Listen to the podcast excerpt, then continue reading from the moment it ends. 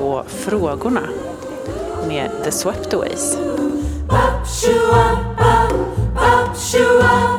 Jag heter Maina Arvas.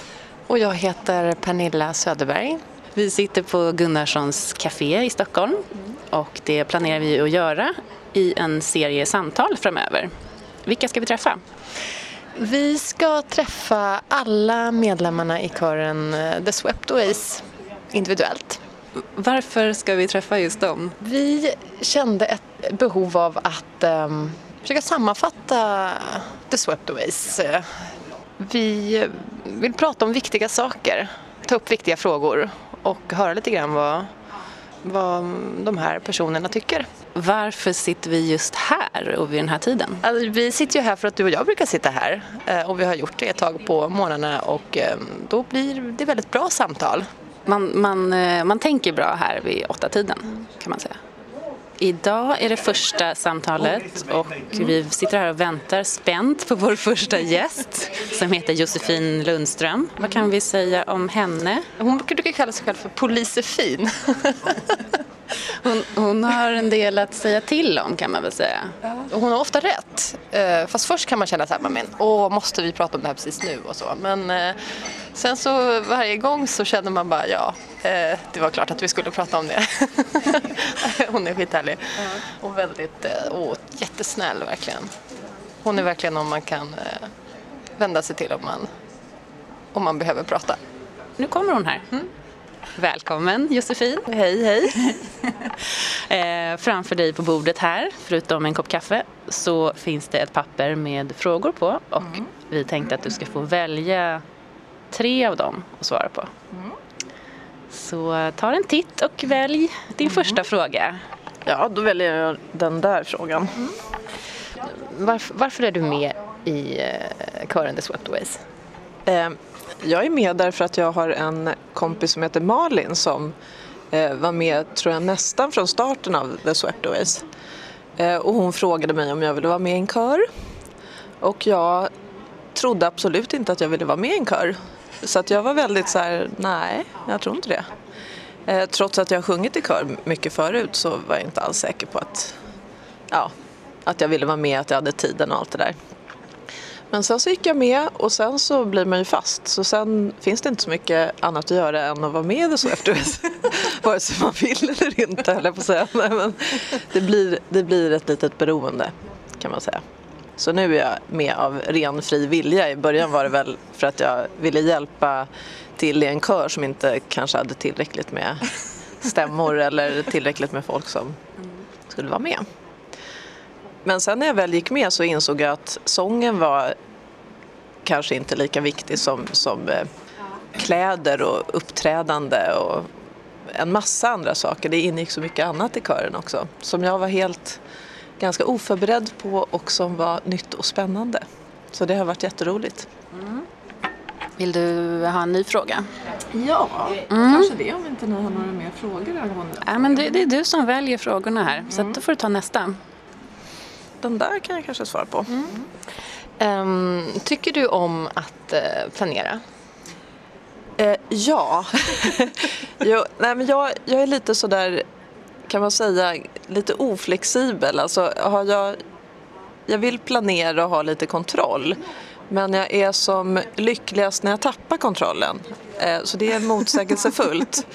vilket gör att, att um, jag tyckte den frågan var lite intressant eftersom jag uppfattar som när jag gick med i Swept att jag var lite sådär, jag tyckte att det var så viktigt att vi var väl förberedda och planerade framför när vi skulle framföra saker och så. Och eh, möttes av ett gäng personer som är mycket mer impulsiva och vill göra saker bara med hjärtat sådär.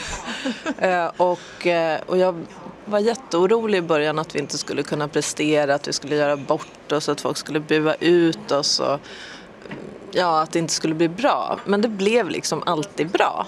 Det kanske inte alltid blev helt perfekt musikaliskt men det gjorde ju ingenting. Utan det var ju så roligt ändå. Och, eh, så att man kan säga att jag tycker om att ha kontroll och planera men eh, faktiskt så har eh, att jag är med i kören nu har lärt mig mycket att man kan också bara gå in med väldigt mycket energi och eh, eh utan så speciellt mycket planering på sätt och vis. Eh, och ändå lyckas väldigt bra och eh, ha väldigt roligt. Eh, och jag tycker nog att det, det som är oväntat och som kommer helt oplanerat är det som gör mig alltid mest lycklig. Men planeringen gör dig lycklig också? Ja, och sen kan man väl säga att jag menar, det har ju krävts mycket planering i kören också och jag menar inte minst du Maina är väldigt bra på att lägga upp planer och så så att man har någonting att, att gå efter även om det är mycket impulsivt och, och kreativt i, i det också. Så det blir inte, liksom inte fyrkantigt även om man måste lägga upp viss planering. Vi tar en tredje fråga då. Mm.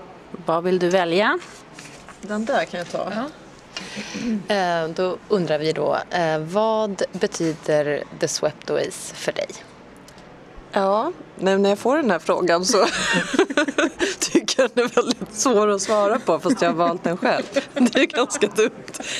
Um, ja, nej men den betyder nog väldigt mycket. Det, lite som jag sa på den förra frågan. Jag har varit rädd för att eh, kanske göra saker som jag inte riktigt har full kontroll över och det har faktiskt varit, kan man säga, som en terapi för mig att eh, få känna den här kraften av härliga människor omkring en som gör att man vågar hoppa över stupet, vågar ställa sig på en scen, vågar eh, klä ut sig en massa kläder, vågar sjunga solo, vågar en massa saker som man kanske inte trodde och som jag tror är själva kraften i kören och kraften av vänskap och så som har byggts upp. Eh, och sen är det så fantastiskt att ha ett, ett stort gäng med människor, i det här fallet kvinnor, som man har väldigt regelbunden kontakt med, som man kan dela mycket med. Man delar livet. Jag menar, alla vi som har hållit på nu ett tag, det har ju hänt så mycket i våra liv med barnafödande och sjukdom och separationer och flyttar och, och man har hela tiden haft en, en uppfattning om vad som händer i, i allas liv, mer eller mindre sådär.